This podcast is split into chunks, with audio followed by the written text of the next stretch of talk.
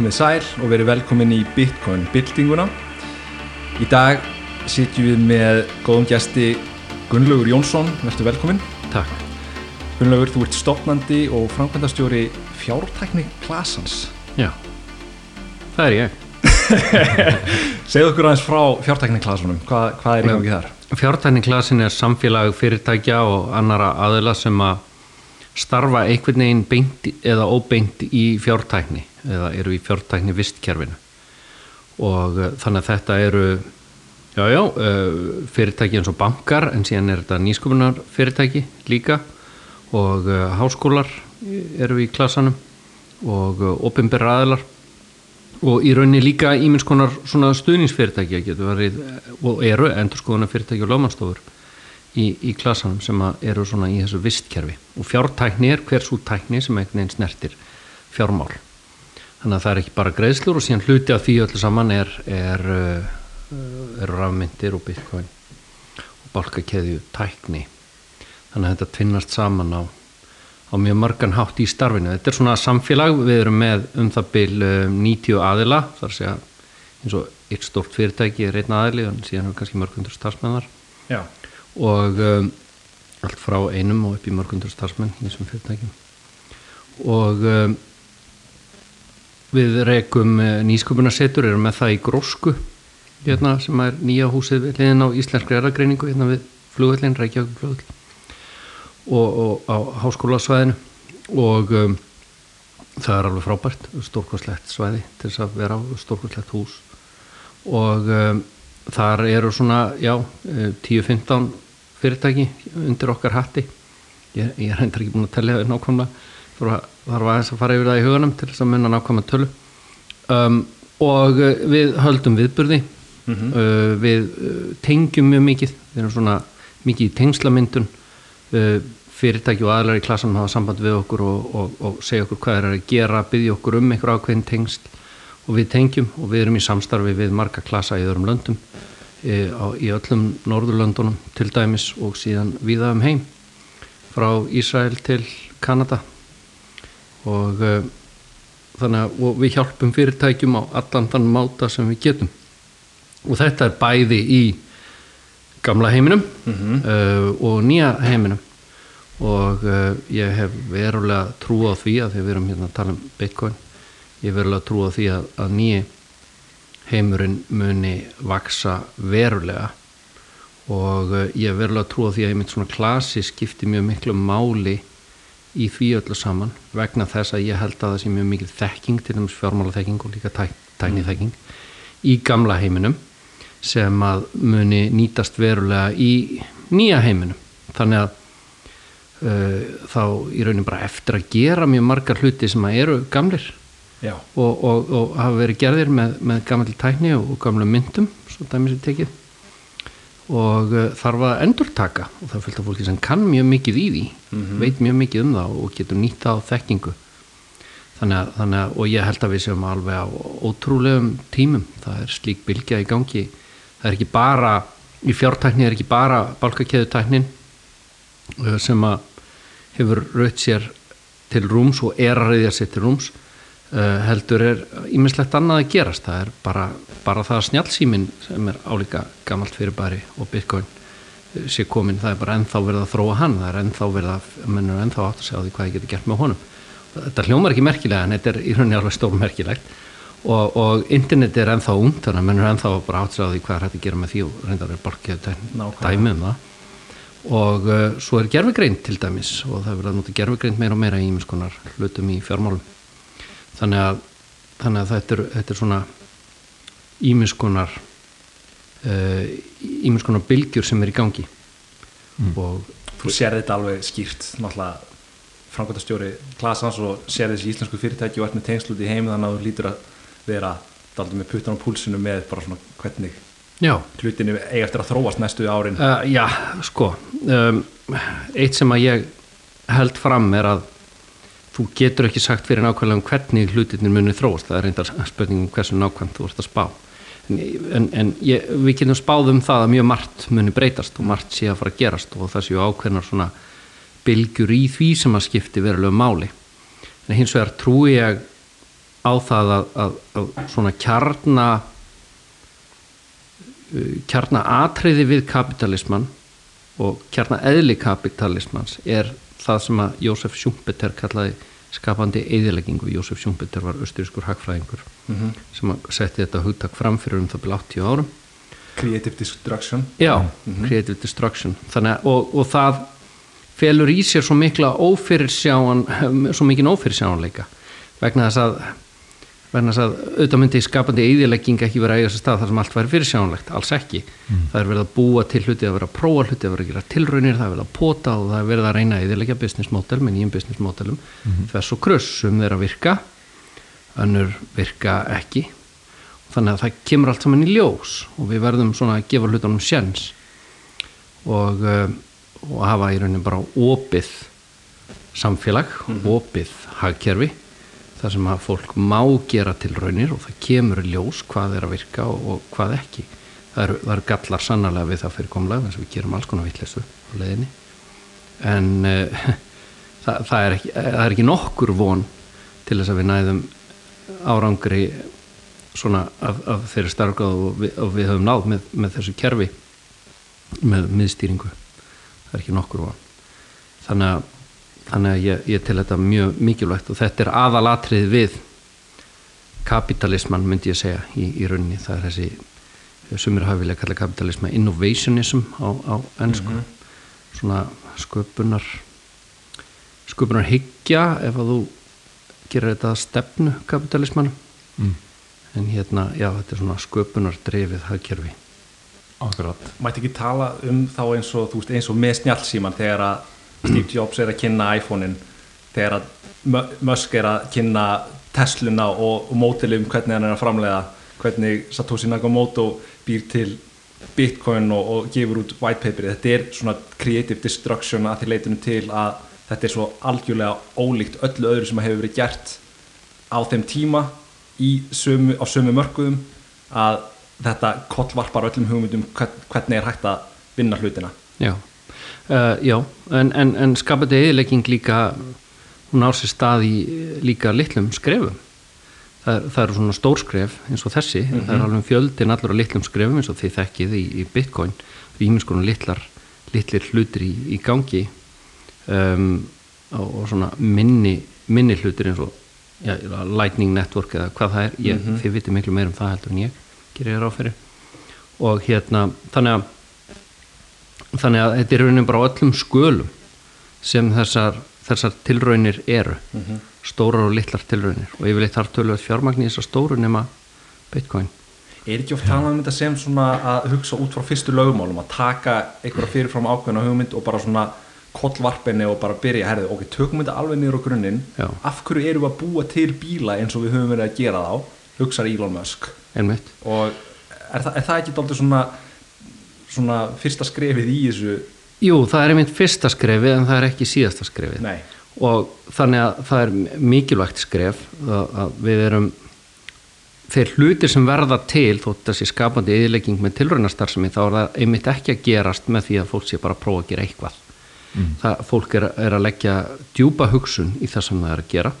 Og góð dæmi er nálgun Elon Musk og, og, og líka Satoshi Nakamoto sem er ótrúlegt. Reyndar vil ég meina að það sé svona óvenju stort skref það sem er alveg undarlegt hvað kemur heilstift konsept fram bara í fyrstu tilraun einhvern veginn, það er, ég, það er algjörlega lígilegt og þetta er yfirleitt ekki svona sem það gerist, það þarf miklu meiri tilraunastar sem í mjög margt sem er að, er að gerast Það er í, í, í, í þessari skapandi eðileggingu þannig að Það er samt alveg að segja þú veist, síðustu 40 árin, kannski eða 30 árin fyrir Já. þá var ímis tilröðun þar sem, Já. sem að margt kom í ljós. Það er rétt, það er rétt. En, og hann setti saman hluti sem að hérna hafi verið þróun í, í, í dulmálsfræði um, og, og þessu svið, þessum sviðum sem að saminast í þessu um, á, á, áður en það var. En, en það er svona óvenjulega mikið dæmi það sem er mjög mikil svona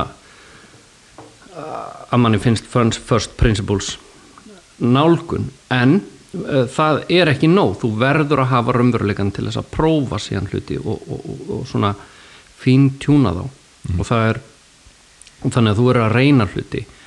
Og uh, það, það er alveg alveg ferlið, það er sko SpaceX til dæmis gerir til raun aftur og aftur og sumar eldflögar springa á leiðinu og allt það. Þannig að þú kemst ekkit fram hjá því að eldflögar springi hjá þér með, með því að hugsa allt Einmitt. frá grunni. Einmitt. þannig að þú munt reka þig á einhverja hluti sem þú er búin að misreikna og allt það og, og tjúna þá til.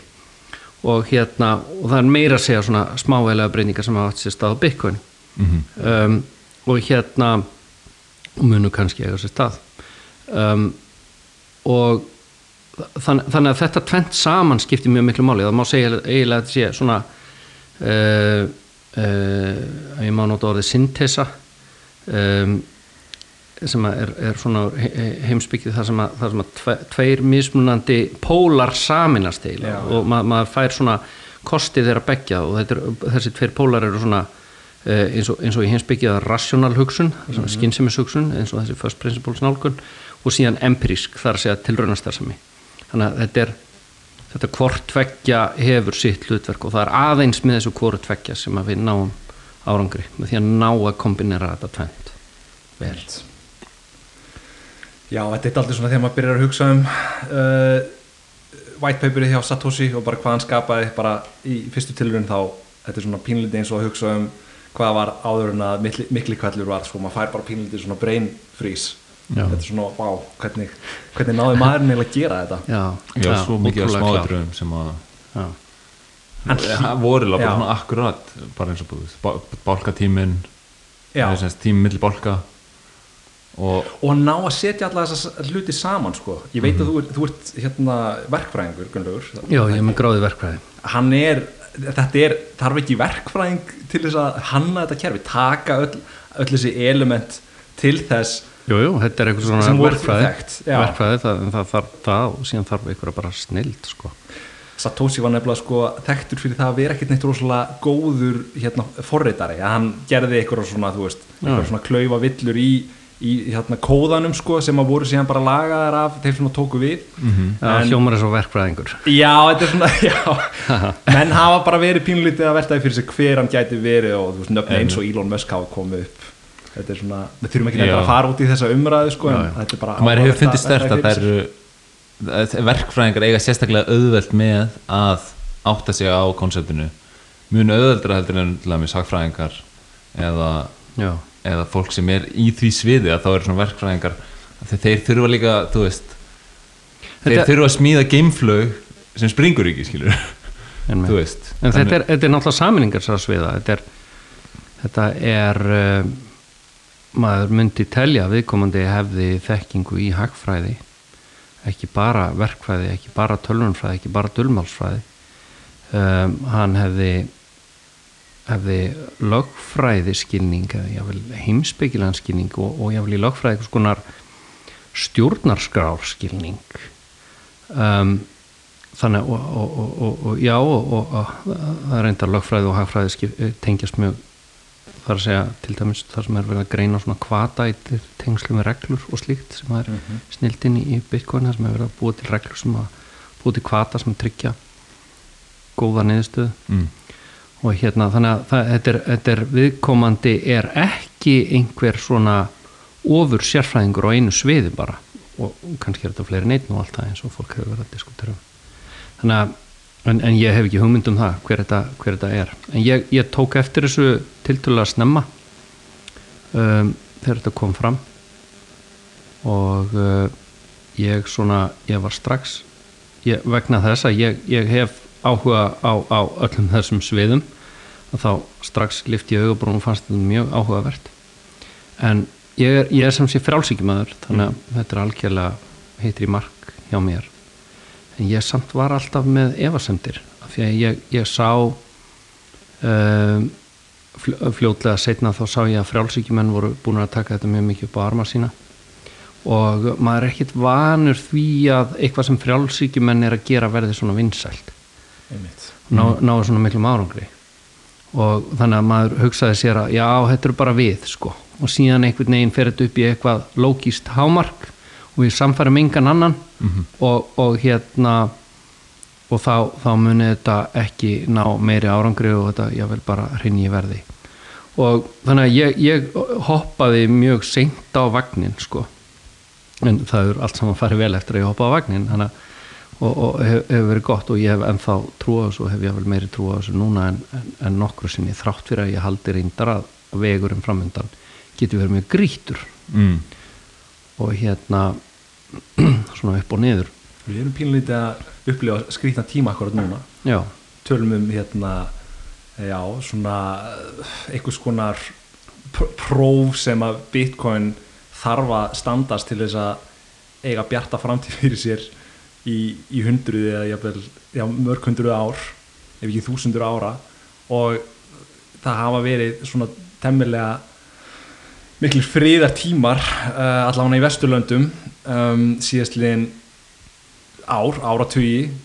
Og núna erum við að horfa fram á það er stríð í, í Úkræn, Úkræníu og, og rússar eru hérna búin að ráðast þangað inn. Hvað er langt síðan, það eru ko- komnir rúmvika já, rúm vika núna. Og það er bara margt að gerast núna sem að væri áhugavert að fjalla um. Og áður en að, áður en að það gerðist þá náttúrulega var hérna gríðlega mikið verið að fjalla um, um Kanada og það sem að gerist, gerist þar. Er það ekki einhver sem við ættum að kannski tala pínlund um? Klárlega, það væri kannski áhugavert að bara hérna byrja, byrja á Kanada. Það er já, það var held ég alveg stórkostleg uh, stórkostlegur tímapunktur held ég mögulega í, í sögu bitcoin. Og nú er það þannig að maður vil ekki spá eitthvað nákvæmlega en af því að, því að spár eru yfirleitt svo kjánalegar.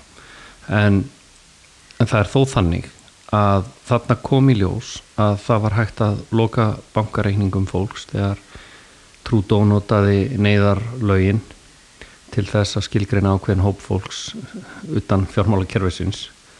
Og þá, þá, er, þá gerist það allt í einu að fyrir þetta fólk er, er kanadadólarinn sem að er fyrst og fremst ekki seðlar heldur heldur innistæður böngum mm -hmm. um, og innistæður böngum hafa verið talda með peningamagstölum til dæmis í, í hagfræði þannig að innistæður böngum eru talda peningar þetta er ekki bara seðlar. Allt í einu er þetta ekki peningar. Mm. það sem helst að væru peningar eru ekki lengur peningar. Og þetta, þetta er gert í, í, í skyndi og þetta er gert í einhverju svona bræðiskasti sennilega og þetta er alveg, þetta er, þetta er magnað, þetta er eins og einhverju bræðiskasti sem að fer og tekur hérna dýra stellið og byrjar að brjóta það. Vegna þess að viðkomandi og hendir að einhverjum og, og hittir hann ekki. Af því að hérna af því að, af því að fólkið sem að er verið að kasta á e, í rauninni hérna ef maður nota það orð, það er rauðpillast við þetta, það sér einmitt. uh, raunveruleikan eins og hann er að pening, það sem hefur verið talað um sem peninga eru í rauninni ekki peningar. Og margir held ég að hafi bara séð þetta miklu skýrar uh, út af þessu að að, uh, að bitcoin er peningar en þetta er ekki hægt.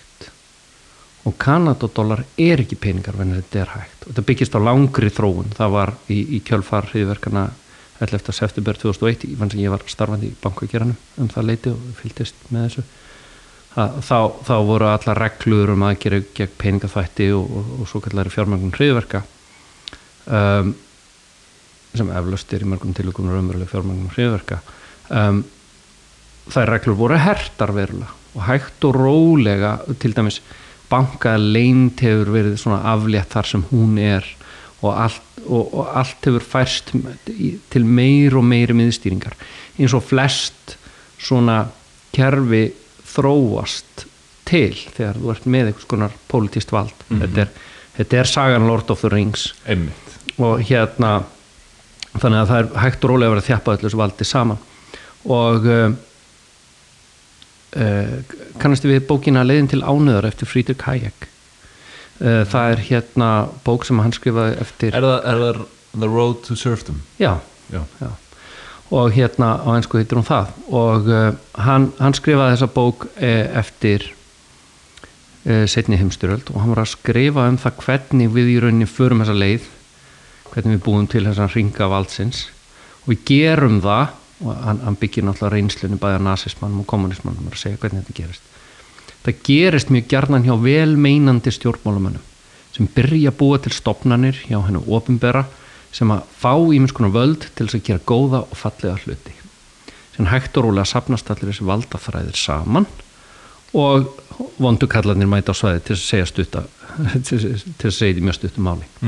Það er hægt og rólega ringur valsins spillir þeim sem ber ringin Akkurát. og sá sem er spiltur hann sækist í ringin meira heldur en hinnir og þannig að þetta er það sem er búið að gerast og það er rauninni búið að breyta því sem að voru peningar í eitthvað allt annað og er valdatæki. Og, og þeir, þeir átta sig ekki á því þess að þeir eru akkurat blindir á að halla þessa hluti og mikilvægi þessara hluta. Hvað eru í rauninni að skjóta sig í fótinn með þessu. Með vegna þess að í, í kjarnin í umræðinu um uh, bitcoin og, uh, og uh, þjóðargjaldmila uh, er, um, er í rauninni hvað, er um, hvað eru peningar og eins og þegar maður lærir hagfræði þá lærir maður ímins konar eiginleika peninga hvað peningar þurfa að hafa til að bera til þess að geta verið peningar og verið góði peningar. Og um, en, en þarna er komið svona bara líkil atrið, líkil forsenda sem er næg og trompar allt annað. Að hérna ef að þú ert eitthvað stað stattur og eitthvað maður getur úr 2000 km fjarlæg teikt sig ofan í vasan þinn og tekið peningana þína þá er þetta eiginlega ekki peningar og það er, það er eitt sem að mér langar að nefna í þessu samingi, bara, bara svona aðeins til þess að skýra þetta, það var dálítið gott, hann heitir um, Sean Duffy og þingmaður og bandaríkja þingi og uh, hjá honum og, og fleirum í, í yfirheyslu eða, eða svona vitna leðslum einhvers konar uh, var uh, David Marcus sem að stýrði allavega þá uh, Libru myndinni hjá Facebook. Og sem að núna heitir DM og þessi Duffy var að tók upp 20 dólar seðil.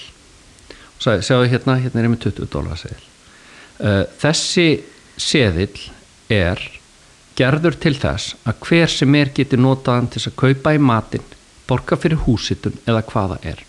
Morðingi getur notaðan hann seðil. Hann er til þess. Við viljum að morðingjar getur notað þess að seðla til þess að kaupa í matinn.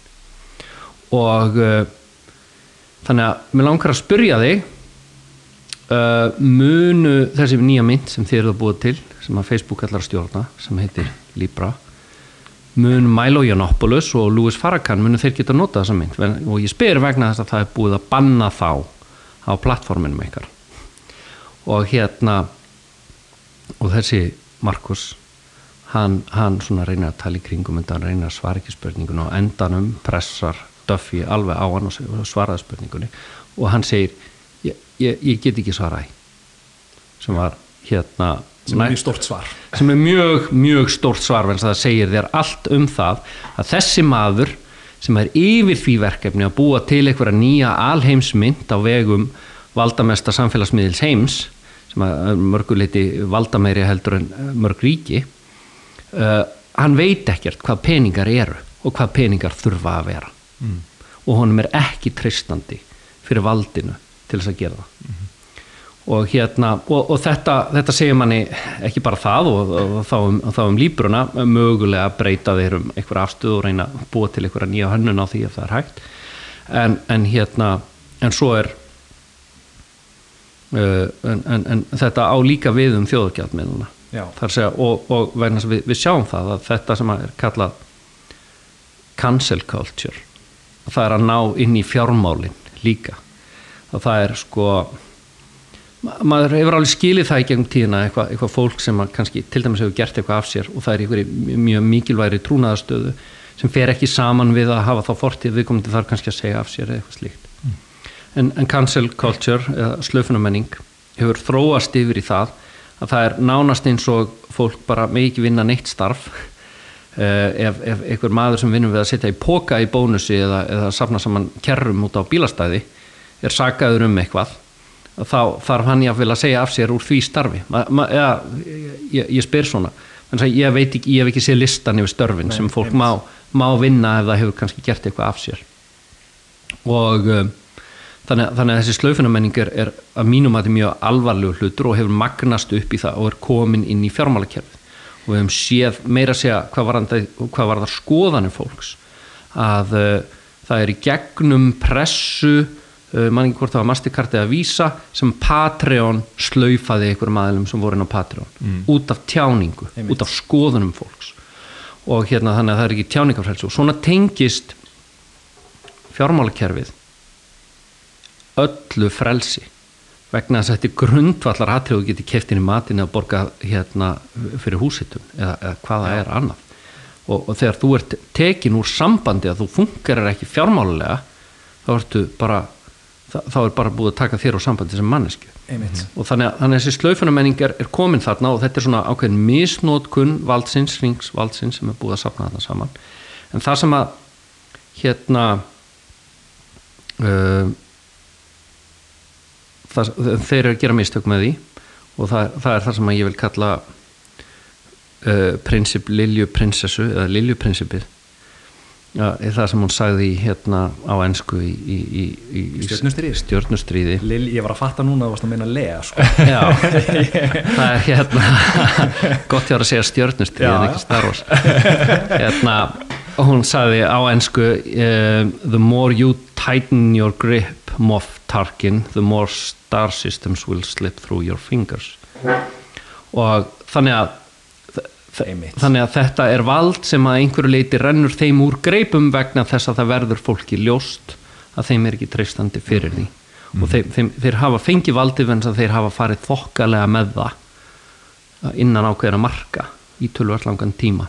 Þannig að ég, ég held að en, en, en ég held að það geti komið og það er ástæðan fyrir ég uh, segja að þetta geti orðið svona daldið uh, svona átök framundan ég held að það geti komið einhvers konar uh, barátta hjá þeim þar sem þeir eru að reyna þeir gera sér grein fyrir þessu þá farið þeir að hörku og reyna að fara í bitcoin meira heldur en að hafa áður gert.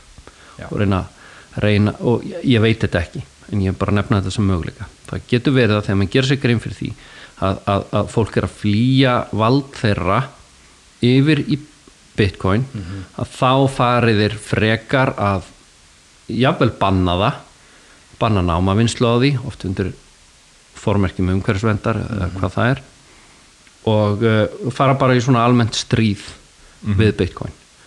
Og uh, þannig að og ég held að það geti alveg komið bakslag eins og til dæmis ef við horfum á bara verðþróun bitcoin það kann að vera það að bitcoin einhvern tíðan taki einhverja dýfur í því öllu saman uh, inn á milli. En máli er það að þeim mun meira sem að gert er af því þeim mun meira sannast gildi bitcoin. Vegna þess Algjörlega. að þeim mun meira sem þeir hamast á móti því þeim mun mikilvægara er að við höfum þetta tól. Einmitt. Og þannig að, þannig að ég held ég, ég er bjarsýn uh, á, á framtíð bitcoin út af þessu öllu saman. Einmitt. Jó. það er eins og að þú talaður um eiginleika peninga sko, það er svona eins og þeir hafi tekið færanleika eiginleikan færanleika sko, hversu auðvelt er að færa pening á eða færa hérna, virði á milli staða sem er mikilvægur eiginleiki í, í hvað peningur er. Uh, og með Libra coin til dæmis skilur ég býst við því án þess að hafa skoða þeirra kerfi að maður ætti að geta senda bara rafrænt mjög einfallega en ef þú ert með neitunarvaldið til þess að stoppa millifærslu þá ertu eiginlega búin að gera út af við þennan eiginleika og þar á með skipta hinnir ekki einu svona máli. Já, einmitt. Þannig að við þurfum á peningi að halda sem að hefur eiginleikan færanleiki algjörlega opinn þar sem að enginn getur snert á færslónum sem að hérna, einstaklingar innan kerfisins kjósa að, að, hérna, að nýta sér. Og það er í raun og veru bara þú veist, nokku, þú veist Fiat kerfi er, við erum ennþá með reyðu fyrir skilur við getum notað að selja og, og hérna, skipta á milli og borga svo, þannig og svo er uh, náttúrulega fólk til sem er að skera perur gegn reyðufíð og vill að ríki gera það Einmitt. það er verið að hámarka þú getur ekki farið með svo svo mikið reyðufíð á milli landa Mhm. mm. að ferðast og svo leiðis og, og hérna og það þykir mjög grunnsamlegt og tekur út mikið reyðufíð í banka og allt það þannig að það er okkur stríkja reyðufíð í gangi líka Þetta í Kanada, þetta var alveg rosalegt af því að það var ekki bara verið að frista bankabækur hjá til dæmis trukkurörnum sem voru að mótmæla það var að vera að frista bankabækur hjá fólki sem að var að var að gefa í gefa pening í en til styrtar en var að styrkja, styrkja þetta konvoi og það var svolítið svona skeri bara svona hversu langt er tók þetta? Já. og, og svona allt þetta lét bara eiginleika bitcoin að vera órið skoðanlegt kerfi skína mjög skýrt og sjaldan bara verið jafn skýrt. Já. um, upp, upp á það að gera sko. Það sem, þeir, það sem þeir hafa gert náttúrulega er að þeir hafa nýtt sér tröst okkar og komið með til dæmis í gegnum bankareininga um, búið til meiri hreyfanleika fjármaks en ef, ef við hefðum ef við varum með gullpeninga í vasanum. Getum, getum ekki keift eitthvað í Kína og látið senda til okkur fyrir gullpening sem við erum með í vasanum. Og, en, en þeir eru með þetta kerfi og, og, og, og ég segi þeir það er ekki eins og þetta sé allt planað. Og mm bara langt í frá. Þetta eru hlutir sem gerast.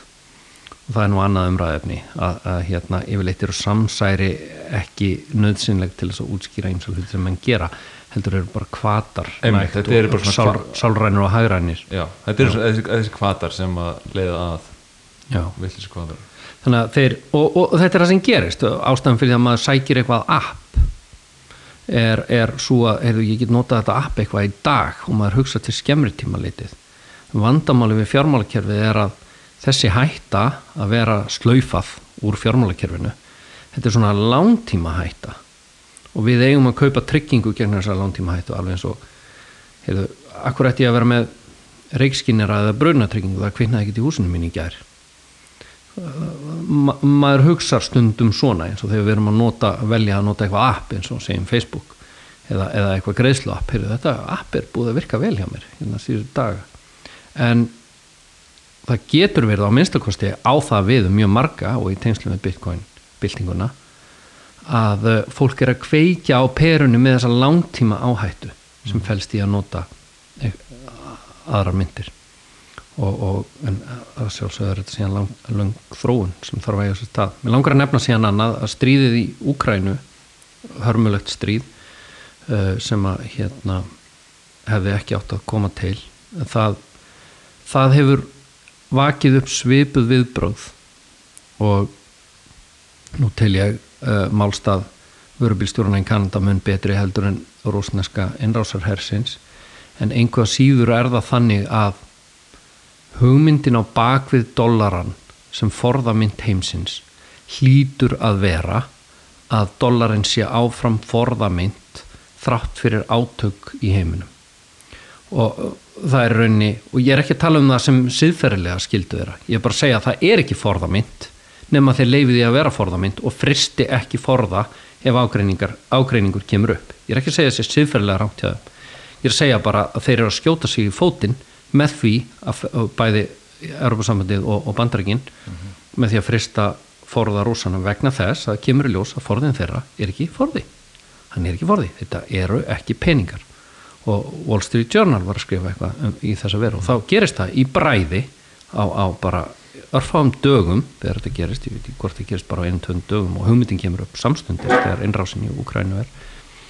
Að, að þeir ákveða að eðileggja sína einmynd dollarin er forðamynd heimsins sem þýðir það að hún er, já, hún, hún er í gjaldrisforðum um, margra landa og hún er jafnframt notuð mjög mikið alþjóða viðskiptum sem þýðir það að mjög margir þurfa að kaupa og eiga dollara til þess að stunda þessi alþjóða viðskipti. Það þýðir það að bandaríska ríkið eða, eða sælabanki bandaríkina er með sælaprendunarvald út í allan heiminn og er þannig með skattlagningarvald út í allan heiminn vegna þess að eins og við vitum þá er sælaprendunarvald í rauninni bara óbeint skattlagningarvald á þá sem að nota viðkomandi mynd og uh, þetta er búin að vera svona stór hluti af valdi bandaríkjana ekki, ekki endilega stærsti hluti með þess að bandaríkin fyrir utan þetta hafa verið með mjög öflugt efnahagskerfi og verið mjög stór. Og, og, og þannig að en, en stór hluti af afli bandaríkjana hefur verið þessi uh, sælaprentunar möguleiki. Bandaríkin geta farið meðal annars uh, hraðar í stríð heldur en aðrir og látið dollaran taka á sig um, kostnaðin af því, svo dæmis ég tekið. Þannig að bandaríkin eru í raunni að ef, þar, og ég segi ef þessir aðilar sem ég held að, að þeir hljóti að huglega ef þessir aðilar eins og Rúsland, Kína, Indland og fleiri og horfa raugrétt á þetta, þá eru bandaríkin búin að afnema dollarin, dollaran og eru komin langt með það að afnema dollaran sem forðamynd heimsins og, og mynd sem að þessi aðilar vilja nota í viðskiptum, nú er til dæmis Indland og Rúsland að auka beinviðskipti í rúpíum og, og rúblum sín á milli fyrir að fara í gegnum dollara. Og eh, um leið og þessu er lokið og við vonum öll að þessu verður lokið og ég vona að þessar fríðarviðræður skili niðurstöðum bara á næstu dögum uh, bara við byggjum til Guðs að, að það, það verði ef það verður uh, þá munu þá myndi ég telja að raugrétt væri fyrir rúsana að treysta þessum aðlum ekki aftur um, og ég held að kýmverjar sem eru líka með sína einu utanrikistöfnu mm -hmm. þeir, eru með, þeir eru með það er pressa á þeim um, vegna um, uh, víkur muslima til dæmis mm -hmm. sem mhm. þeir hafa komið mjög illa fram við svo, svo vægt sér til orða, til orða. Mm. Og, uh, og aðrir aðilar sem vilja mögulega hafa einhverju utanrikistefnu sem er sjálfstæð frá, frá bandarækjunum og NATO þeir, þeir muni ekki, muni ekki vilja nota dólaran lengur. Og þessir aðalar raugrétt væri fyrir þá að horfa til bitcoin þó að reyndar sumir þeirra hafi haft fordóma hvert bitcoin. Um, en, en ég, ég myndi segja að þetta svona styrti styrti keisið dálítið Þetta kom svona back to back, bara svona tvö góð case, bæði fyrir óriðskoðanleikanum í Kanda en hins vegar að þessum óhrifsanleika að, að þú veist, að þetta sé eign sem er ekki hægt að frista eða taka af þér með valdi. Um, og bara svona case pointi fyrir því er búið að vera bara, þú veist mjög ljóst núna undarfarið og, og það er á undan alltaf bara með COVID með, með peningabrentinu og, og að, hérna, að sé takmarka magn. Að þú veist, þetta verðist bara vera hver, hver svona PR marketing dæmi fyrir Bitcoin og fætur öðru. Já. Og hérna maður, maður velti fyrir sér eins og verðfrónin Bitcoin það sé ekki komið upp í 100.000 þegar einhverja litir skrítið við þessar kringumstæður en það er náttúrulega til dæmis bara uh, að fólk er að selja ímsa regnir og mm. það er svona kross áhrif á milli eignaflokka oft mm og fólk lítur á bitcoin sem sem eign áhættu eign sem það er að veðja á að hækki verði og þegar það gerist og menn eru kannski að aðra eignir að lækka og menn balansera portfólíuna sína eða, eða hvaða er eða þurfa að mæta margin call eða líka bara eitthvað svona á ennsku sentiment að það smitast allt saman á milli mm. ég held að eins og langtíma áhrifuna af þessu séu klárlega góð og þetta séu raunin bara blessun fyrir alla þá sem að gera sér grein fyrir þessu. Og ég vil taka það fram ég er ekki að veita fjárfæstingar ágjöf en þetta er mín, mín persónulega skoðan að blessun að, að hafa þetta tækifæri til þess að eignast bitcoin. En talar eins um hérna að það, vegurinn fyrir Bitcoin er grítur veist, það sem verður núna á, áfram farið og hann að sérstaklega ef að veist, einhver lönd fara að taka þetta upp veist, og ógnun við gamla kærunum fyrir að vera meiri. Um, hvað sér þau svona hvað er svona mest, að þínum að er mestu áhættunar á baku Bitcoin? Hvað er svona, svona því er svona fremsta sem gæti gæti klikkað eða, eða sem gæti komið? Um, ég, ég held að, að það sé stór hópur af fólki sem eru löggliðinir einstaklingar sem að munu fara út úr Bitcoin ef að ríkið bannar Bitcoin til dæmis um, þannig, þannig að ég held að það geti valdið verulegur lækkun ef að, að ríkið til dæmis bannar Bitcoin í sumum löndum eða skatleikur það verulega eða eitthvað slíkt. Um, þannig að ég held til dæmis að það sé einn ein þáttur í þessu. Ég ger mér ekki grein fyrir því hvað viðtæk, viðtækt bann við námavinslu á Bitcoin geti þýtt. Eða væri kannski bann við námavinslu bæði í Evrópu og, og Norður Ameríku eða eitthvað slíkt og, og bætist við bætist við Kína. Ég, ég ger ekki grein fyrir því kannski skiptir það einhver máli en þetta bara högtir í eitthvað tíma og, og það jafnar sig fljótt. Um, svo er eitt sem að svona, ég er búin að vera að hugsa um sem að mér langar svona aðeins að spyrja ykkur um Eh, og það er meira svona til lengri tíma. Og það er hvort að það geti verið ógn við öryggi bitcoin. Eh, ef við hugsaum okkur að að eh, já, við vitum að, að helmingun mun eiga sér stað aftur og aftur og, og það nýja bitcoin sem búið er til um, verður tölvert minna eftir segjum 15 ár. Mm. það eru, eru nokkrar helminganir þangað til. Þannig að það verður í rauninu bara lítið nýtt sem er búið til. Öryggi kerfisins byggist á, á því og og uh, fæslugjöldum sem er samtalstöð verðlun sem að uh, náma vinslu aðlarnir fá. Um, þannig að öryggi minkar sem hlutfall að verðmæti bitcoin í heild. Og bitcoin kannski verður mjög mikið sverði og það kann að vera einhver ríki á þeim tímabúndi líti á bitcoin sem ógn við sig, ógn við sitt vald, ógn við sitt allræðisvald og maður velti fyrir sér þegar svo er komið þegar það er komið svona langt hvort að stórt ríki til dæmis getur farið í einhvers konar mjög dýra aðgerð þar sem við myndum reyna að eyðilegja bitcoin. Vegna þess að sprengjan sem þurfum að framleiða til þess að skemma bitcoin væri hlutvarslega minna virði heldur en til dæmis í dag ef þú ætlar að búið til sprengju til þess að eðalega öryggi og hérna gera árás. Og menn, í hernaði þá, þá þegar þú varpar sprengju og þetta er efnaðarslegur hernaðar þá mögulega ef þú varpar sprengju á segjum vesmiðju einhvers anstæðingstins þá er það ekki að þú ert að græða á að varpa sprengjunu beint. Þú ert bara að reyna að eyðilegja fyrir hinum. Og það kann að vera að eitthvað, eitthvað ríkisvald sjáu sér hag í því að fara í gríðarlega mikla framleiðslu á mæning búnaði og, og tengja það nógu lengi til þess að gera nógu sterka árás og í árásinu rétt fyrir árásinu myndu við náttúrulega sjorta, taka skorstuðu og í árásinu myndu við reyna að flytja peninga yfir til sín og allt það og, og selja út og allt það. Og, og síðan myndum við framkvæma árásuna og reyna eðalega tröst á kerfinu og, og hóta því að geti gert það síðan aftur.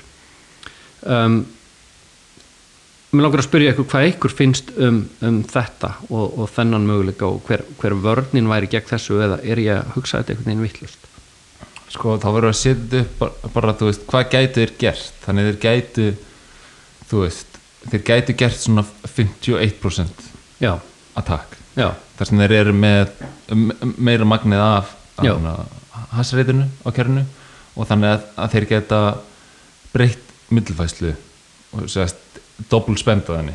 Senda með tvísvar já, um, e, e, sendt sömu kóinin á, á tvo staði og ná að villa fyrir þarna í stuttan tíma.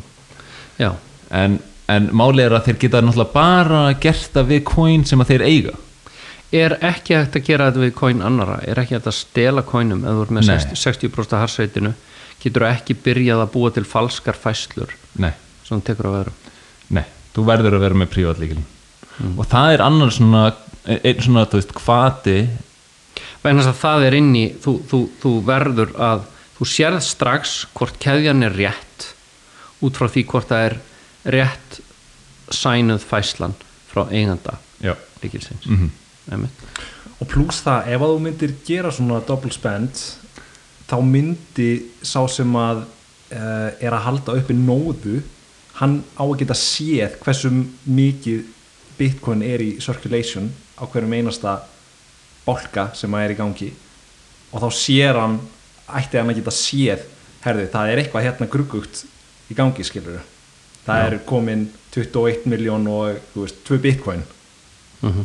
þannig að tæknilega séð hafa allir sem að halda upp í nóðinni upplýsingar um hversu mörg bitcoin eru í circulationi á hvaða tíma og það muni einhver komast að þessu og það hefur verið talað um ef að 51% attack verður gert á áringarsöklingan hátt einhver næra doppul spenda hérna, bi- bitcoin er búa til bitcoin upp úr, upp úr ein, engri vinnu þá mun uh, sam, samfélag þeirra sem að halda kerfinu gangandi þeir munu komast að því á einhverjum tímapunkti og þá verður hægt að finna út hvaða fæsla þetta var. Og það hefur jafnvel verið talað um að gera annarkvort, ég held að það sé þá hardfork frá uh, bálkanum áður en að þessi fæsla hafi átt sér stað. Og með öll, öllum líkindum þá er þetta ekki að fara að gerast eftir tvær vikur og einhver bara herði það gerðist ein- eitthvað hérna fyrir tveim vikur síðan. Það mun gerast mjög líklega innan bara 5-10 mínútna og það verður allt, allt crazy. En hvað gerist þá nákvæmlega? Hvernig, hvernig verður hægt að hérna, ná einhverjum konsensus um þetta? Já. Það er mjög flókið og, og, og hérna, ég get ekki alveg svarað þeirri spurningu. Ég, en aðlega sem ég sé með vörnina er bara ef þú værir með þú veist, þú værir með alla þessa mænara og þú væri með öll þessi coin þá er hvatin að vera góður leikmaður innan kerfisins er svo gigantískur. Þetta Já, En ég átta mig alveg á að, þú veist, já, geti það- verið að það- ráðast á kerfið. Ég, ég veit það og það eru hinn almennu rök. Hvatin er svo mikill til að vera góður mænar en, en þú gætir mögulega að hugsa þér að gríðarlega stóra aðili eins og ríki Já, getur hugsað sér. En, en, en spurningin er þá ok, hvað ef að ríkið heldur þá áfram og er bara stöðut að þessu? Og er þá hægt að finna út hverjir þetta eru uh, hvaða nóðum væntalega þessi mænarar eru eða, eða hvaða er þannig að þeir get ekki gert þessar hluti eða geta þeir vilt á sig heimildir áfram og verið stöðut að gera endalösa árás ég held þeir gæti verið að gera endalöst en bara Já. það eru þið bara svo gríðarlega kostnæðisvænt Já, já, já eh, ég, ég er að segja það, það þetta getur verið aðili sem að hefði sko, setur svo svo að, að, að í stað þess að að uh, mæning eh, sé að skila á árskunni segjum hvað er það núna 1,1 eitthvað prósent uh, aukning á, á, á, á bitcoin í, já, í, eitthvað, eitthvað nýja úti og, og það, eftir 15 ára verður verður að komin í 0,1% eitthvað svo leis Mhm. þannig að þetta hlutfall af verðmæti bitcoin þó að bitcoin hækki mögulega í verði þá verður þetta kannski áfram sami mæningbúnaðurinn en þá er bitcoin búið að hækka mjög mikið í verði en bitcoin er orðið mjög öflugt Mhm. og þannig að það er orðin sterkari kvati fyrir þá af því að þeir hata frelsið Mhm.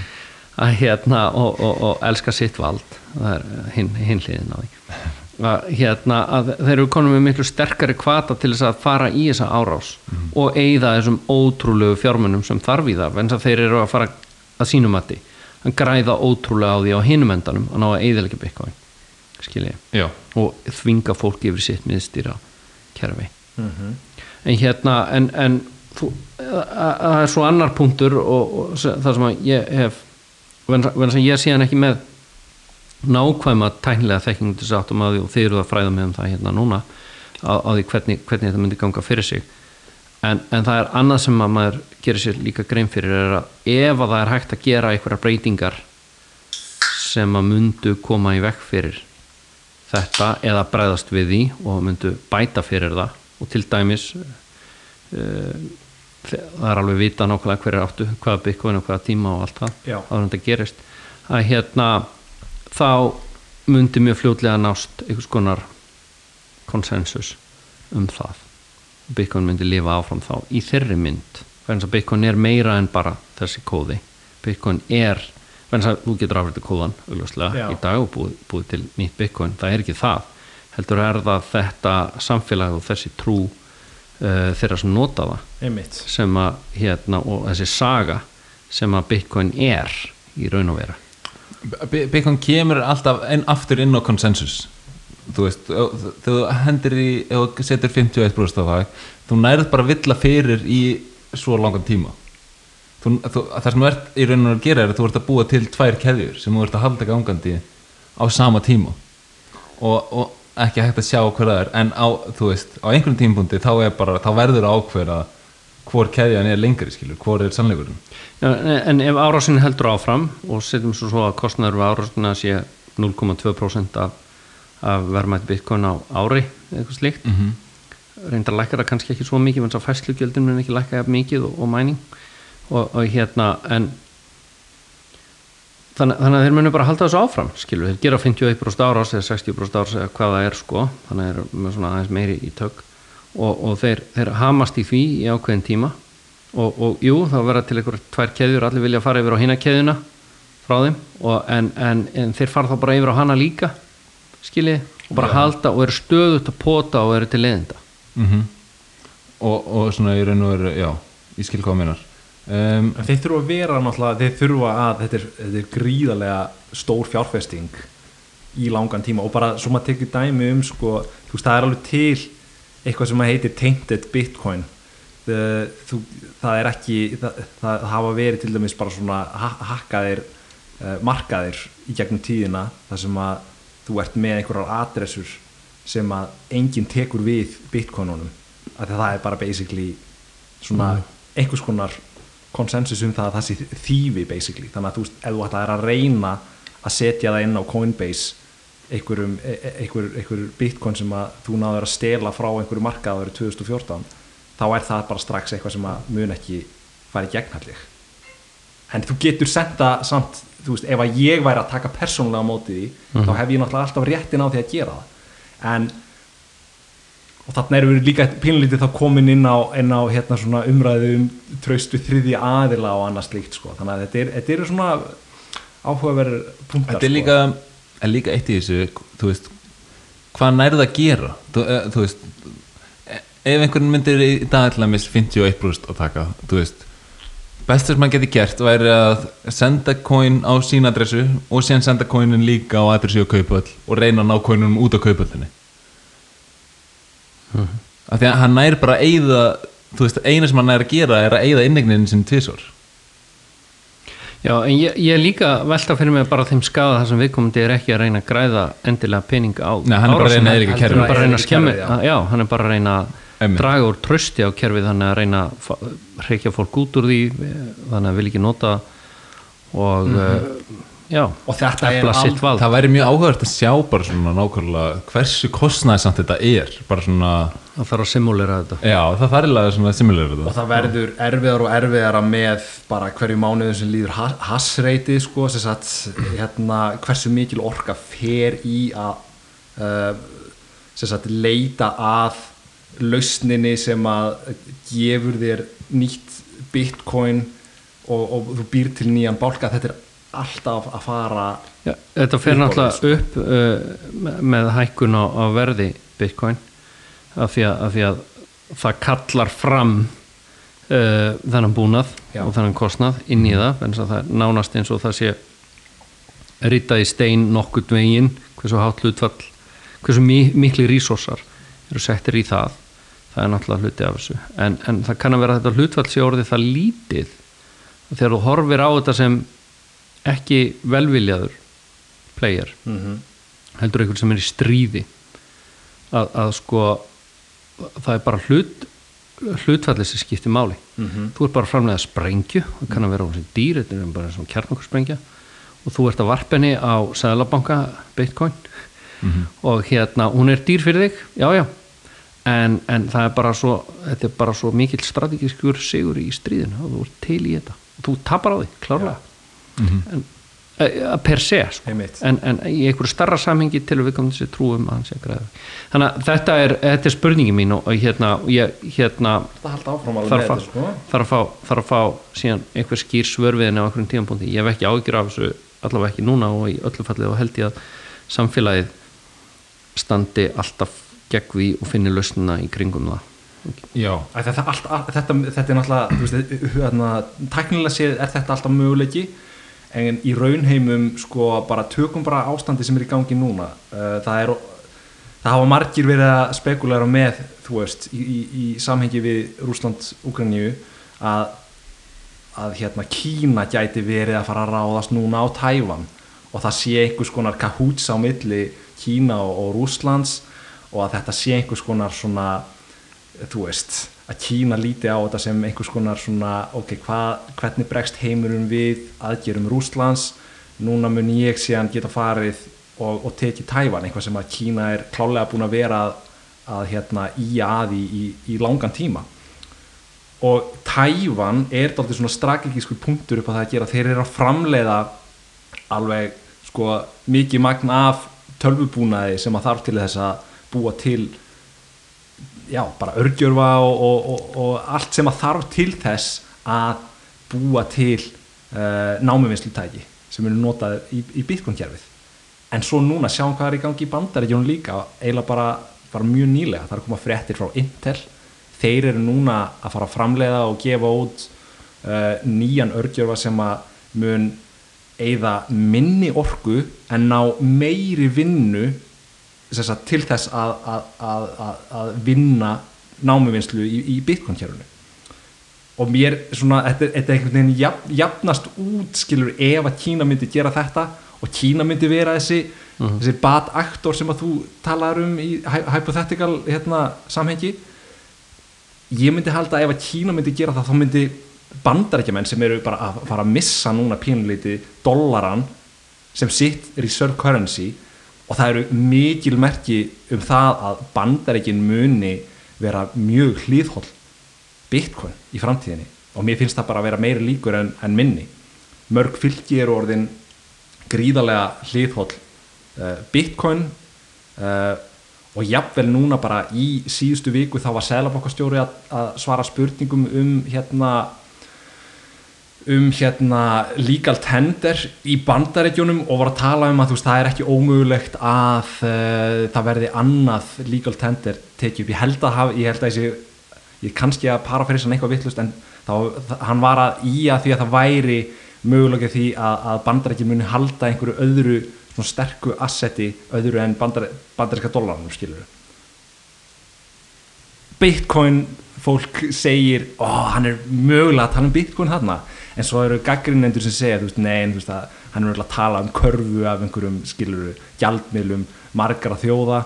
Og það er þetta rögra um þetta en mér finnst ekkit ólíklegt að, að þegar að dollarin fari að, að hérna já, þú veist bara missa sinn stað í alþjóða samfélaginu sem the reserve currency of the world að, að Bitcoin muni fara að spila stærra hlutverki í bandaríkjunum?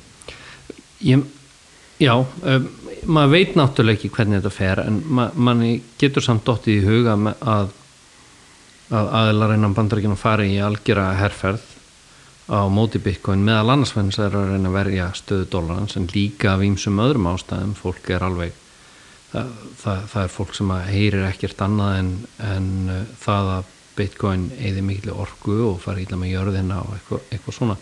Þannig að það, það eru til alls konar svona hópar og það kann að vera og, og við höfum alveg séð það að undarferðina mjög skonar hópsefjun getur á sér stað stundum. Það er náttúrulega erfiðara fyrir þá hópsefjuna í þessu stað þegar einhverju 20% af bandar ekki manna eiga bitcoin og standa gegn þessu.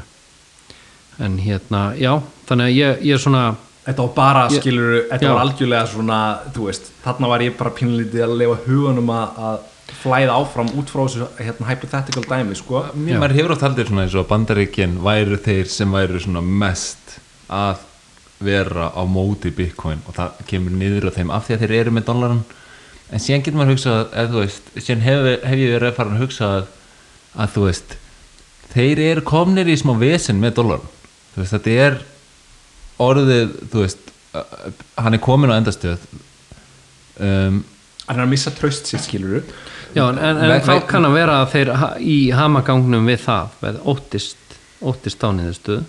Bitcoin sé hluti af byrtingamyndinni á því að fólk sé að fara úr dólarnum að því að það er meðlans að fara yfir Bitcoin og uh, það er grípið þá til aðgerða í, í því svona, í þeirri en, örvæntingu. en dollarin er kannski búin að hjálpa eins og þú veist eldu bandaríkina en eins og fyrir bara bandaríkina almennt þá er dollarin búin að vera mjög slæmur eins og þú veist það er flutt störf úr landi og, og, og svona fleiri fleira vesen sem fylgir honum og svona ég verið að sjá að þú veist það er næstu að þeir, eru, þeir gæti verið þú veist það, þetta er svolítið næs lausn sem Bitcoin er.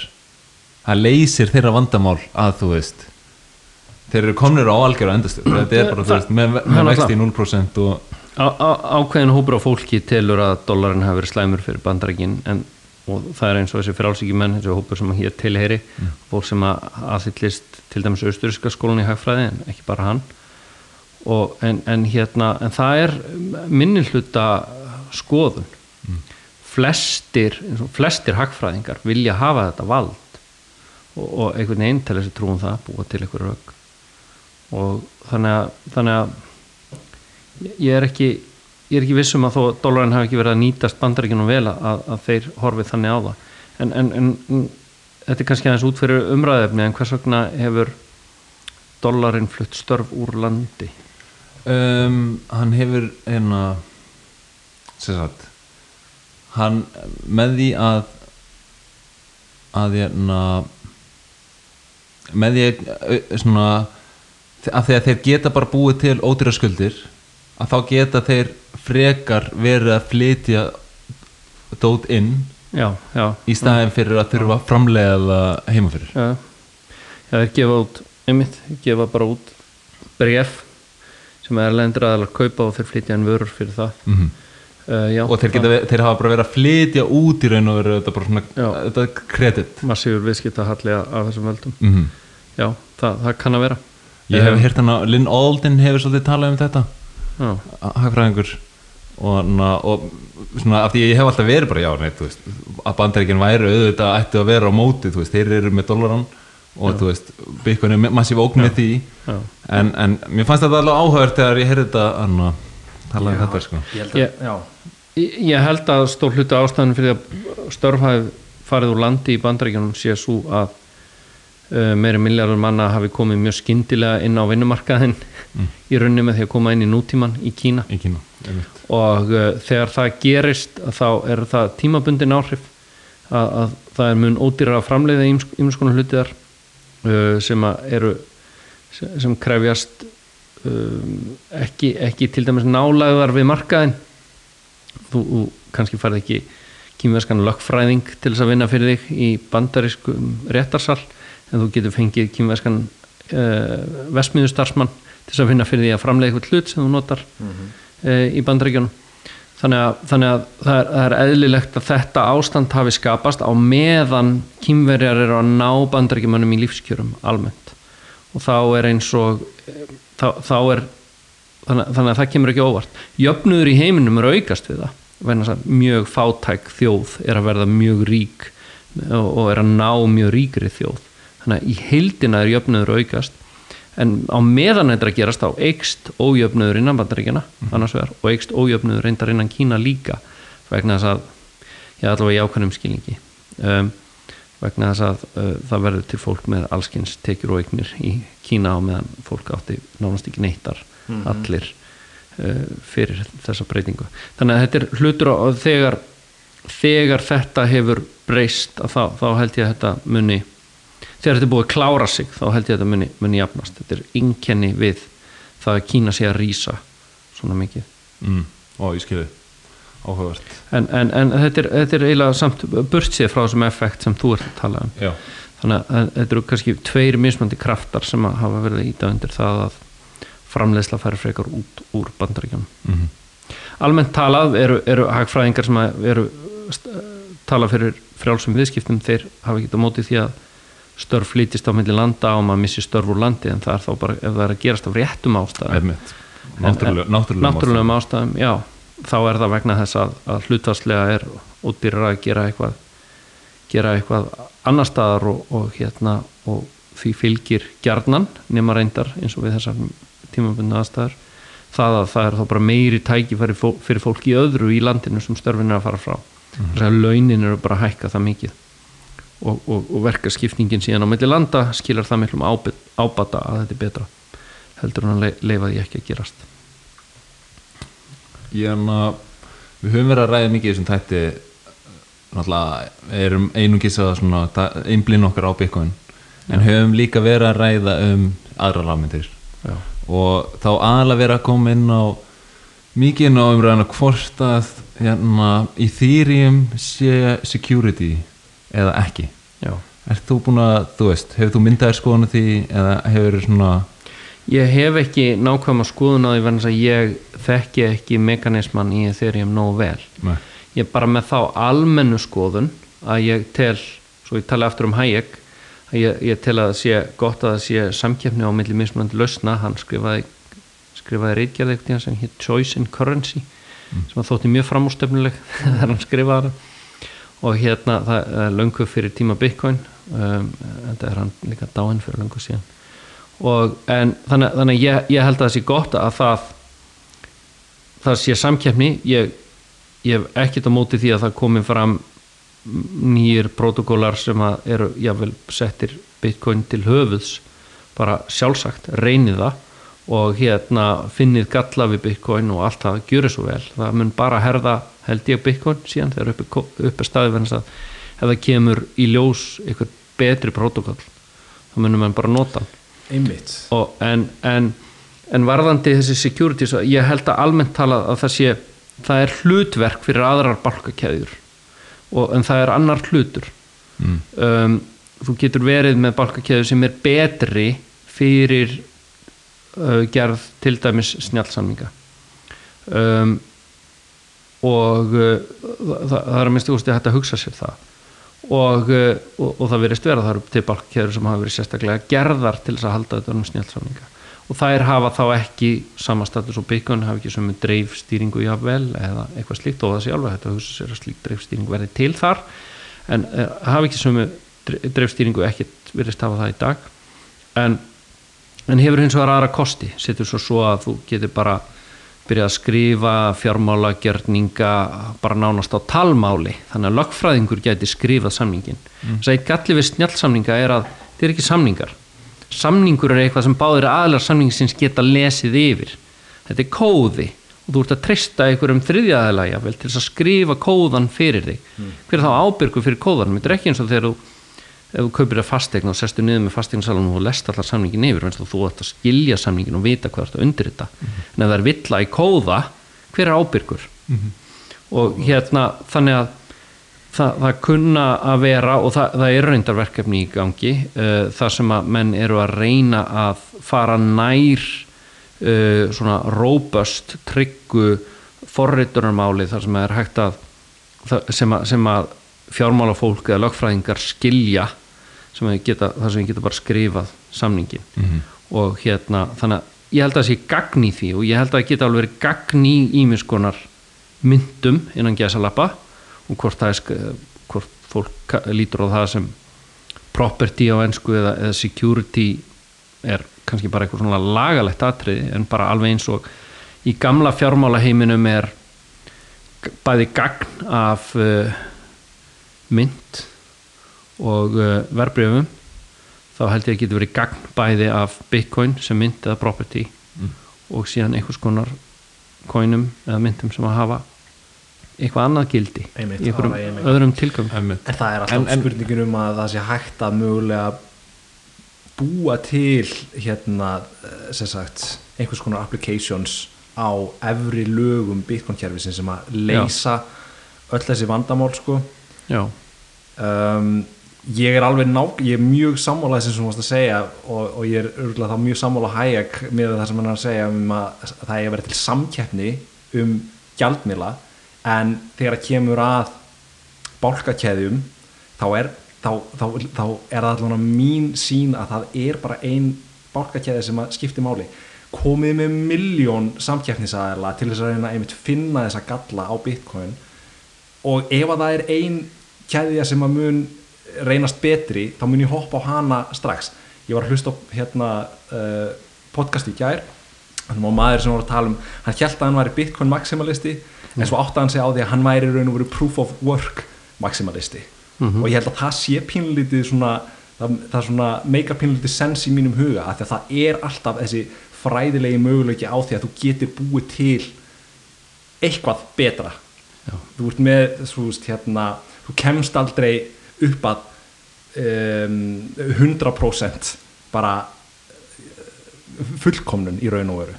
Það er einhvern veginn ómögulegt í þessum Hva, hvað að þú finnur einhvern mekanisma sem að er betri uh, sem að nær öllum sömu markmiðunum mm -hmm. til dæmis ódýrar?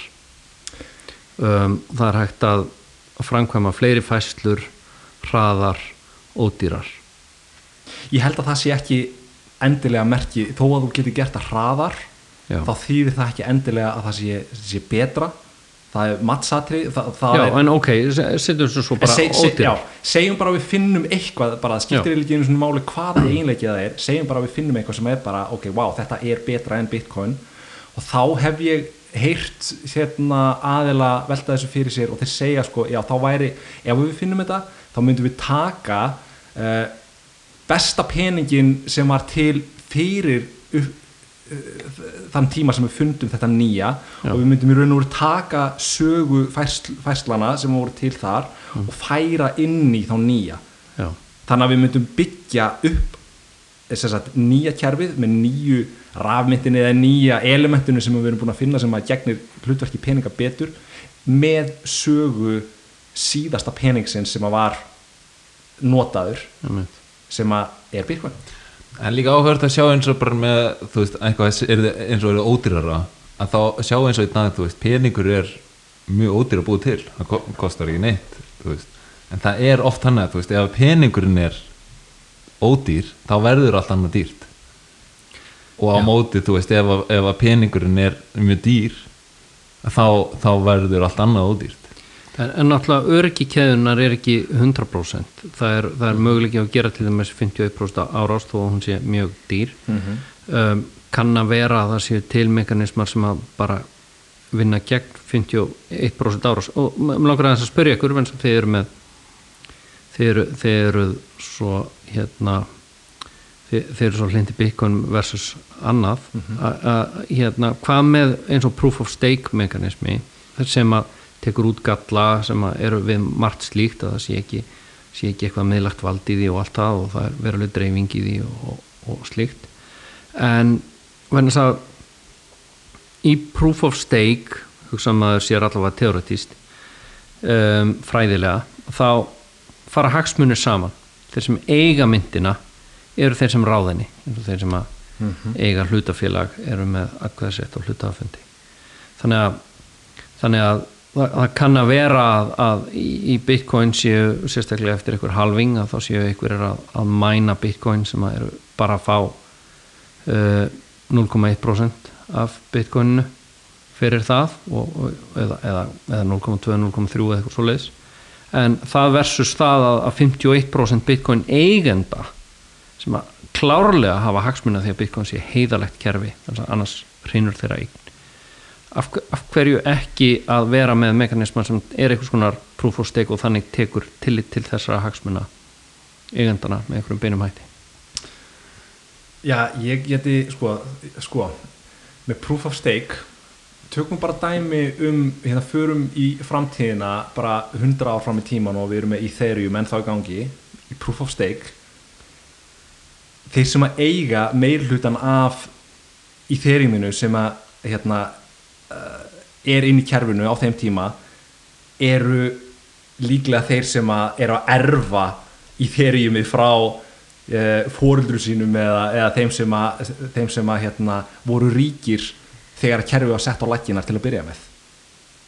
Þannig að þú ert með valdið það, það saman sapnast á, á fáar hendur og það er mjög shaky sko, saga í þeirri er mjög shaky með þetta að gera.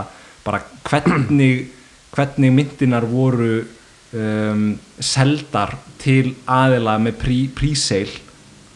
Og þar er e- ekkert hérna uh, það var sem sagt hérna uh, þið töluðu mér um að þú getur hérna ef þú ætlar að kaupa í þessu príseli þá getur þá getur falið það að þú sért að kaupa með því að senda hérna uh, request um að kaupa Ethereum á margar margar e-mail adressur skilur og býður til account sem að þýði basically að þú veist, þú, við vitum ekkert með hverjir eru að halda á valdinu í Ethereum ef- þegar þeir fara inn á proof of stake. Og hugmyndin er basically svo að, að ef þú átt Ethereum og steikar því þá færðu vald um að uh, leifa bálka eða hvað sem það er nota til þess að hérna, halda keðjunu sinni gangandi. Þannig að ef að það eru aðilar sem að eru að senda Ethereum sín á milli sem að valdhafar kerfisins sem að samþykja færslunar Já. vilja ekki að sé að senda sín á milli þá geta þeir tæknilega séð kanselari þeim færslum. Já. Og við, og við vitum ekki hverju þessi aðlar eru og hversu samþjapað þetta er og hvort er sama samþjöpun og valdamál og í fjármálakerfi heimsins. Það er rauninni það sem við erum að segja. En, en, en máli er það samt að þeir hafa kvata til þess að reyna að hafa þetta heiðalegt reyndar eins og maður myndi ætla að eigendur fjármálakerfi heimsins hefðu kvata til þess að hafa því heiðalegu en þeir, þeir þó gera sér ekki grein fyrir því sjálfur Það er nefnilega mjög mikið af líkingum við proof of stake kerfin og fiat kerfi Þetta er mjög svipa svipa svona setup Já, já, nema reyndar það er ákveðin munur. Uh, Fiat kerfi er þannig að sá ræður myndinni sem gefur hana út og er í rauninni short í henni, skostuð í henni. Það skulda megin á efnaðarsreikningi Sæðlabanka uh, myndin. Þannig að Sæðlabankin hefur hann getur gefið út meira og meira af henni og þynt hana út og, hérna, og, og ríkið, ríkið skuldar bara myndina þannig að ríkið hefur bara hagsmunni að gefa meira og meira af henni út. Munurinn í, í proof of stake allavega með sælabanka er að sá sem að ræður myndin er sá sem með hana efna, hérna, vinstra megin á efnaðarsreikningnum eigna megin og hefur þannig meira hagsmunni með myndinni. Það er góð punktur. En, en hérna, en já. En, en ég, í öllu falli, mér finnst megin prinsipið að leifa hlutum bara að keppa og vera í stöður í sannleiksleit saman að finna útrúsu Þa, það held ég sé gott og ég held alltaf að, að Bitcoin samfélagi sé í ákveðinni stöðu sem að ekkert engin önnur rafmynd er. Klárlega. Þa- það er líka einn áhugaveru punktur í þessu er að hérna er það nokkuð dótt úr mér? Það er um, með Ethereum eða? Já og með hérna proof, of hérna, proof of stake? Já, það er alveg dótt úr mér að ég fyrir ekki allt er góður já bara munurinn á þessu sko að þeir sem að eiga í Ethereum þeir ráða. Það er alls ekki þannig, það er akkurat omment í, í Bitcoin, ef þú átt mikið af Bitcoini þá ræður, það skiptir engum máli. Þú ræður þannig sé ekki neinu nema auðvitað hvernig þú ráðstafar þínum peningi skilur Já. Það, það, það, er, það er það sem að ég, ég er, er aðeins að bera upp að Já. þeir ættu kannski að ráða meiru. Það eru þeir sem hafa hagsmunni af því að halda við verðmæti bitcoin sem mest þeir sem hafa hagsmunni af því þar að leiðandi að kerfið sé heiðarlegt um, á meðan þú getur hugsaðir eins og ég var að nefna áðan í, í þessu dæmi um árás getur hugsaðir einhvern utan að komandi aktor sem er ekki með 51% í bitcoin heldur bara 51% af mining powerinu sem er lítið brot af því þegar upp er staðið að, að hérna hann geti reynd að eðilegja kerfið.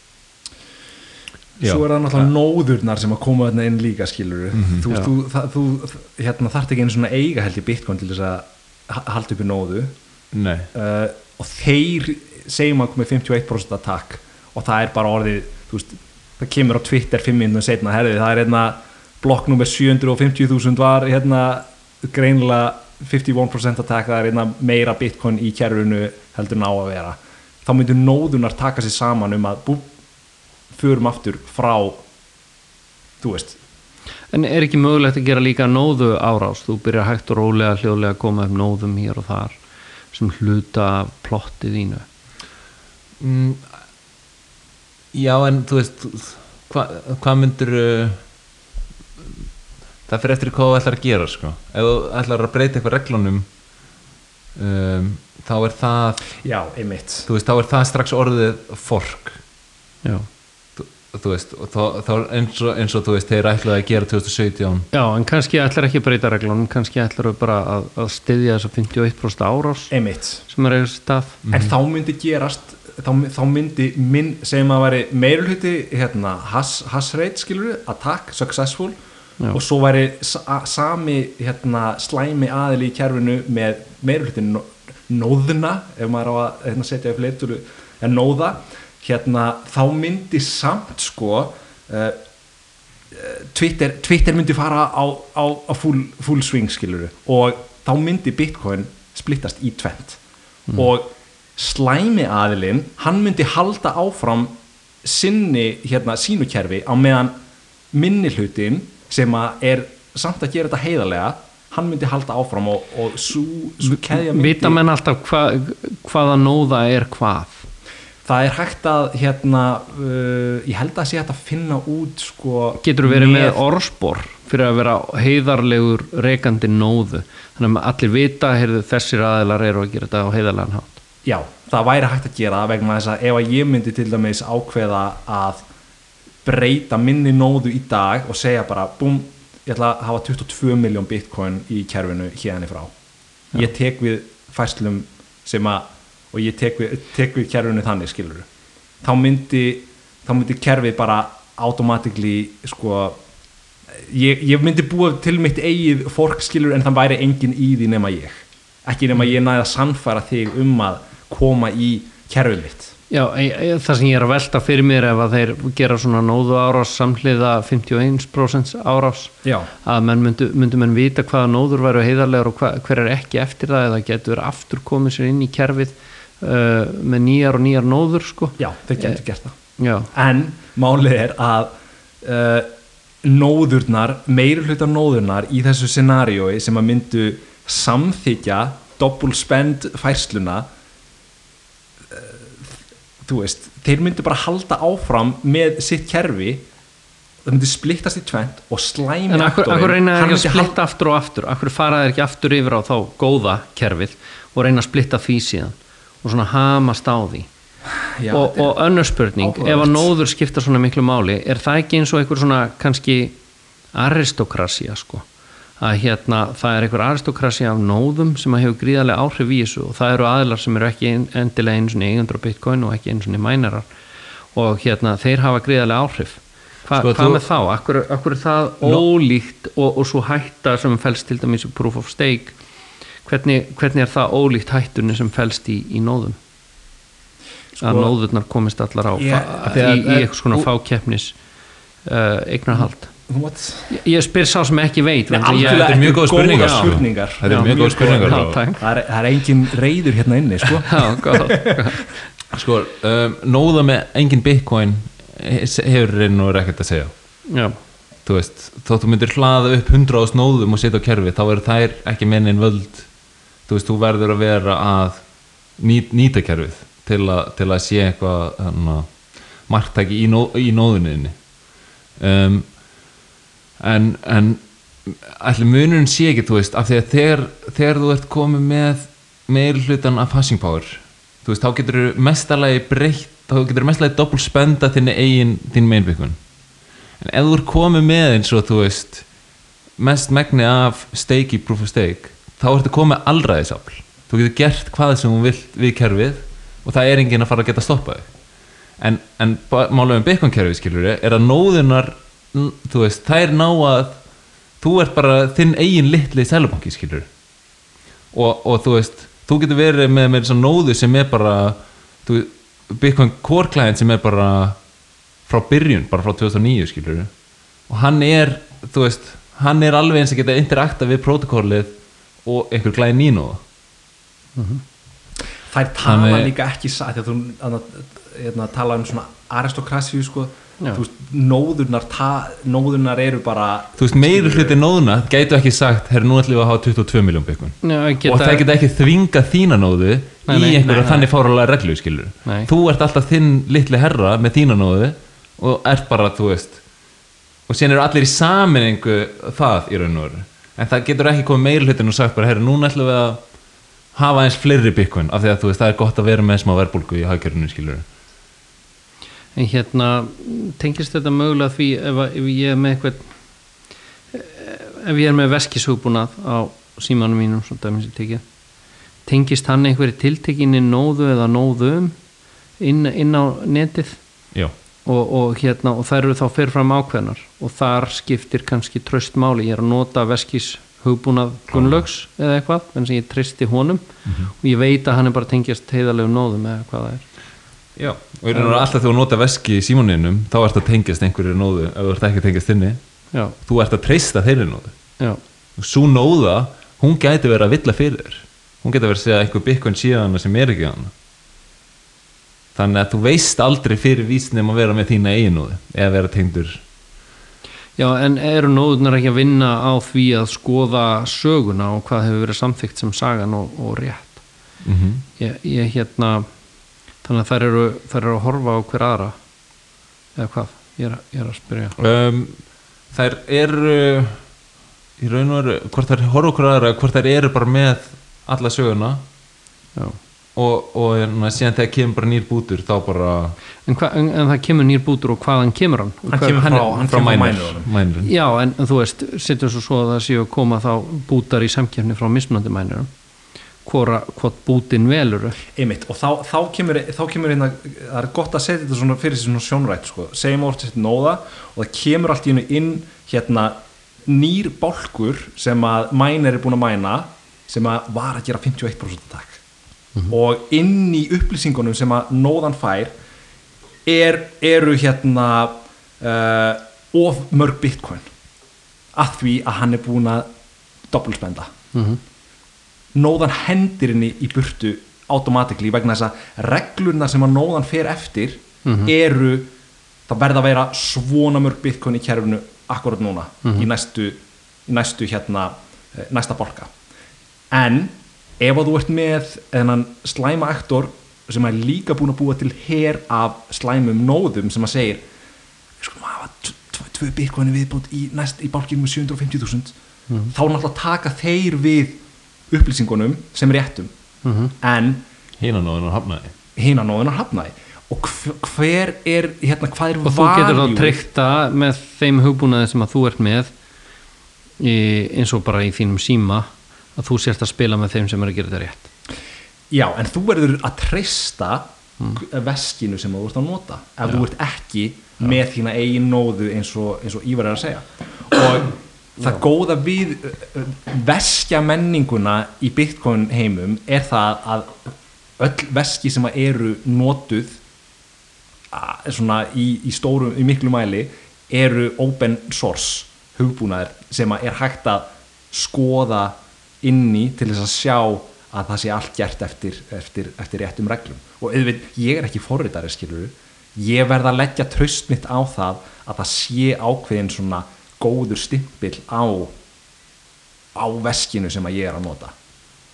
En ef að það væri þú veist, við búum á heimum internet, á tímum internetsins það sem að upplýsingar fara mjög hratt í gang. Þannig að ef að hérna, segjum að ef að hérna, þú veist Dr. Evil veskið komi inn á markaðin veist, það myndi einhver fara Klaus Schwab.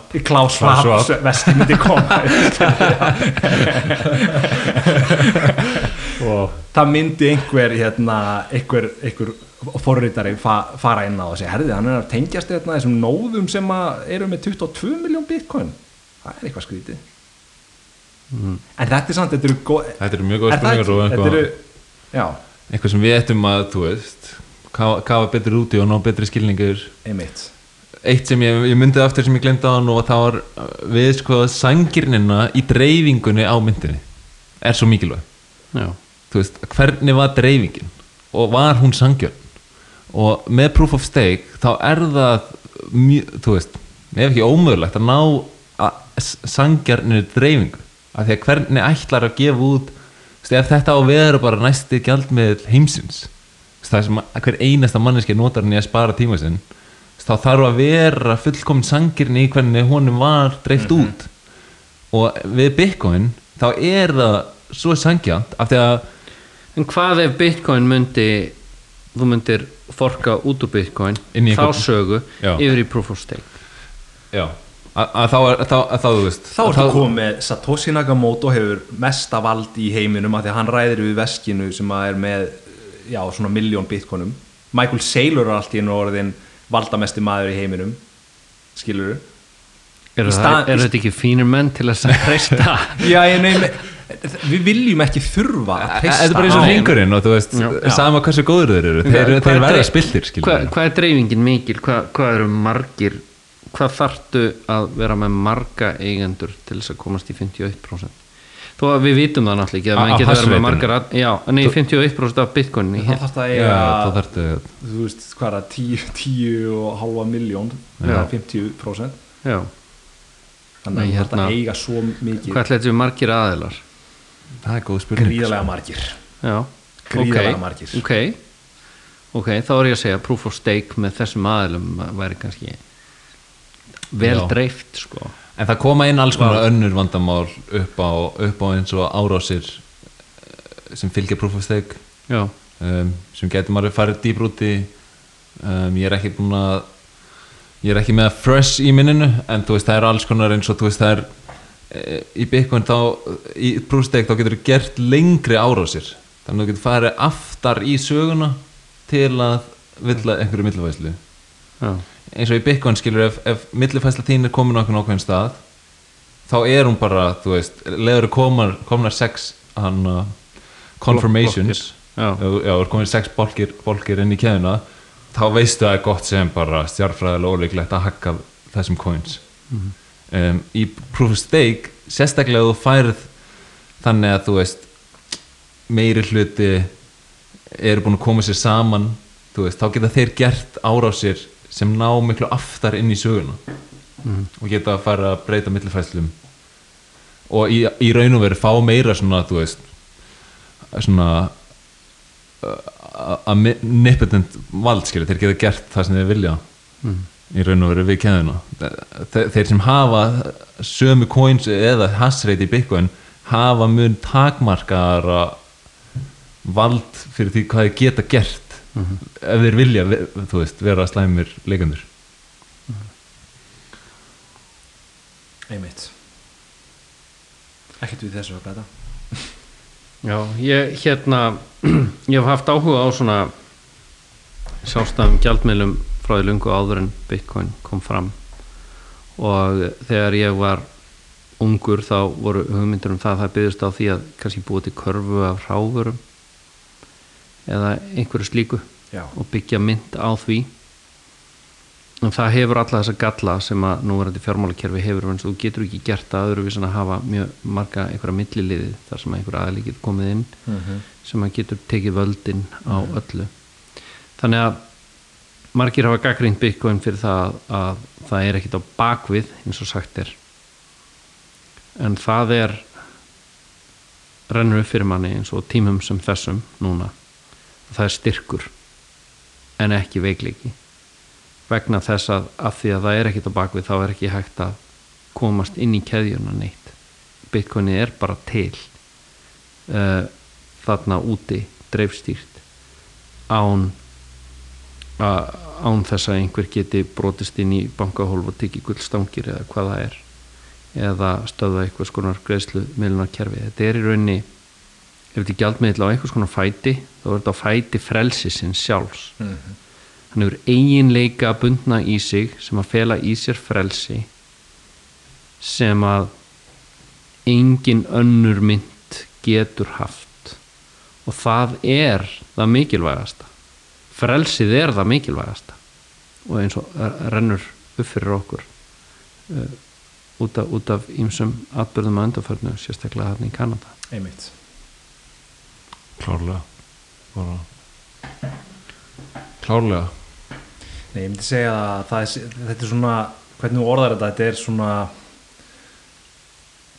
ef að þú ert að hlusta á þetta núna og ert ekki búin að átta þig á Bitcoin og hvað hversu mikilvægt fyrirbæri þetta er fyrir mannkynnið þá, þá, þá veit ég ekki nákvæmlega hvernig er þetta orða þetta betur sko. ég, ég, ég bara ég held að þegar að maður fær þetta svona eureka moment bara um hversu stert fyrirbæri bæri Bitcoin er sögum þess að það er ódýrabandi vegna miðstýr, miðstýringar sinnar og, og heldur áfram að eflast með hverjum tíu mínúti sem að líða að það verða alltaf til fleiri og fleiri bálkar og því fleiri bálkar sem verða til því sterkari verður keðjan.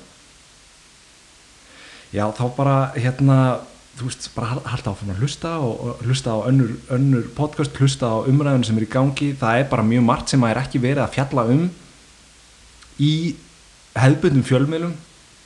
Fólk er ekki að fá upplýsingar um hvað er raunverulega er að gerast í heiminum og Bitcoin spila bara greiðlega stóra rullu í heimsmálunum þessa dagana. Þó svo það sé ekki endilega verið að tala um Bitcoin í hérna sjöfréttunum á rúf það er undirliggjandi í svo mörgu. Einmitt. Klárlega. Kjarnin, kjarni alls frelsis eh, peningarækt frelsi. Og það er margir svona því ég er nú frjálsíkjumæður og ég hef verið flokkar það sem er kallað hægri frjálsíkjumæður það er að segja sá sem að vill frelsi einstaklingsins en tekur með eignaréttindi Mhm. sem, sem hluta af einstaklingnum í raunni eignir þínar eru þú verður að fá að ráðstafa þeim og ráða þeim meðan vinstri frjálsíkjumenn svo kallaðir þeir trúa ekki á eign, eignaréttindi þeir segja eh, hérna að eign sé þjófnaður. Og hérna það, það kemur ljós í mörgum þessum málum að þeir hafa rámt fyrir sér og við þessu svo kalluðu hægri frjálsíkjumenn höfum rétt fyrir okkur að þú verður að geta átt eignir til þess að vera frjáls. Það er algjörlega algjörlega samlega því. Og öll spilling á því kerfi dregur úr frelsi einstaklingsins. Og hérna þeir, þeir segja margir og margir frábærir vinstri frjálsíkjumenninir þeir eru miklir fylgismenn tjáningarfrelsis til dæmis. En, en það er ekki tjáningarfrelsi að það er hægt að gepa þér á sambandi svona sko. einmitt, það er nokkuð Ná. ljóst. Hvernig sérðu hérna, bara svona í lókin kannski, hvernig sérðu svona næstu ár þróast um, þú varst að tala um að því finnst svo leiðilegt að spá sko, þá ætla ég að já, já, já, já. Uh, ég, ég er náttúrulega búin að vera að tala um að það getur orðið átök uh, framöndan þó ég viti það ekki. Uh, ég, ég mér þykir leiðinlegt að spá. Ég er ekkert alltaf frábær spámaður fremur en nokkur annar. Uh, það, það eru mjög fáir sem eru eitthvað eru eitthvað góðir spámenn og sumir sem eru góðir spámenn og þegar mér hefur tekist að spá vel þá er það kannski líka bara hefni ég verði í fjárfestingum og, og það er mjög auðvelt að komast að þeirri niðurstöðu að maður hafi verið mjög klára því að mann hefur gengið vel. En málið er það að eh, ef, ef allir væru að velja fjárfestingar bara svona handáskjent þá myndi 50% gera betur en markaðurinn og 50% verð en þó er það þannig ég sá ekkert í hann tölur um það að í verðbríðasjóðum eru 80% undir markaðanum sem er að stýra þeim og 20% yfir þannig að apar myndu standa sér betur heldur en hámentaðir doktorars með áratugar einslu í fjármálageranum og hérna þannig að, þannig að ég, ég hef mikinn vara á spám en, en ég, get, ég get sagt hvað hvað ég er að gera. Ég er að kaupa bitcoin og uh, ég hef trú á þessu uh, þessu rými ég hef trú á því að fleiri uppfinningar muni koma fram á sviði rafmynda sem verða gaglegar og góðar og dreifstýrar fyrir heiminn. Og, og þannig ég, ég veðja á það allt saman á, á eitt máta eða annan. Nákvæmlega hvað verður ofan á í ymsum hlutum er, er ekki eitthvað sem ég get spáð spáð fyrir um. Það er of svona já, of mikið hvað skal segja á ennsku er að kalla level of resolution það er of, of nákvæmt, það er of viðkvæmt. Mhm. spá fyrir um það. Ég held að já, bara svona, ég veit bara bæta við þetta hversu erfitt það er að spá fyrir þú veist, maður veit ekkert hvað er í gangi í heiminum akkur núna, ég held að það sé ekki hægt að treysta almennilega neinu sem að heyrist í fjölmiðlum hvort sem að sé vestanmegin eða, eða austanmegin eða frá Við- við hvað sjáum- ekki sem er. fréttir af þessu stríði er náttúrulega einstaklega slæmar uh, núna af því að við þær eru það er ótrúlega mikið sem að hefur komið af þessu stríði sem að reynist rámt en, en það líka og, uh, það sama í raunni í COVID en samt ekki sama, í sama mæli. Það er einhvern veginn svona stríð skapar svo mikla kvata til þess að villa um og, og, og svo mikla olgu að, að það er auðveldra að komast að með, með falskar fréttir og í öllum mainströmsmiðlum alveg, ég er ekki að tala um eitthvað falsfréttamiðla og, og hérna þannig að við höfum séð að í COVID líka mjög margir hlutir sem hafa verið sagðir reynast bara ekki vera raunverulegir. Og, og hérna þannig að það er það eru mjög mikil ósannindi í gangi og ég held að að það séu að lausnirnar í því öllu saman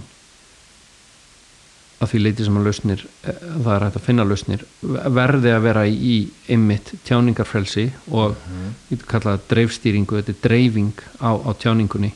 Þar sem við erum með marga mismunandi aðla sem eru að keppa sín á milli og eru að eins og, eins og hérna í Bitcoin-nýtinu menn eru að staðfesta hver annan. Og hérna og Þa, þannig, að, þannig að við höfum alltaf þessa möguleika þannig að það sem gerist um leið og þetta vald þjappast einhvern veginn að þá, þá fe- fara menn afvega. Einmitt, kannski að bæta við það ekki bara tjáningafrelsið sé nöðsynlegt heldur líka bara að, að, að einstaklingurinn sé meðvitaður um hversu brengl br hversu brengluðum hérna, upplýsingaheim við búum. Þannig að það þarf að það þarf að hvetja fólk til þess að efla sína upplýsingaleit og sína gaggrinu hugsun. Já. þetta, er bara rosalega flókið að vera til í dag og að vita hvað er raunverulegt. Það, er, það er mjög flókið og ég ætla ekki að blanda uh, pólitík Úkrænu stríðsins inn í þetta en það var til dæmis uh, á þess að ég tala um efnið þess að þá, þá var maður að deila frétt um, um það stríð og um ástæður þess og, og slíkt og það var frá miðli sem er ekki meginströmsmiðl og uh, þessu var deilt inn á Facebook hóp sem að heitir fjölmiðla nördar og mér fannst það áhugavert þetta svaraði ákveðnum spurningum sem að hafðu vaknað í tenslu stríði það var ákveðnum svona skrýtnir hlutur í gangi og, og, og, og þetta svaraði þeim spurningum. Þannig að ég fór inn í þessa frétt sem var frá miðli sem var ekki meginströmsmiðl og ég smelti á alla hlekki til að sjá heimildir þegar voru hlekkir með heimildum alveg í gegnum greina og ég fann meginströmsmiðla sem að voru heimildirnar. Og, og, og það var á, á tíma þar sem að var ekki alveg þetta ástand í gangi þannig að það var, það var hérna, það er ekki svona sama agenda svo í sletti. Og uh, og þannig að þessi frétt virtist öll verið rétt en hún var skotin niður hátna vegna þess að þetta væri óáreðanlegu miðl og það sem gerist er að þú skapar einhvers konar innrækt hugmynda þegar þú ákveður, heyrðu, það eru bara þessir hundra miðlar í heiminum sem geta sagt sannleikan og aðri miðlar get ekki sagt sannleikan og við gefum engum öðrum sjens það er svo mikil hætta á, á ferðum og það virðist vera ver, virðist vera ástandið. Já, hérna þetta er búið að vera ótrúlega skemmtilegt og, og, og gaman líka fyrir okkur pínlítið að velta fyrir okkur svona, að það er bara mjög holt fyrir manna að, að fá að svara erfiðum spurningum um kerfið sem maður er að treysta. Um, þannig að Gunnlaugur Jónsson bara takk kærlega fyrir að koma. Ég lærið líka að hún heitir Lilja. Á íslensku. já. Já, besta nafnið er náttúrulega Hans Óli.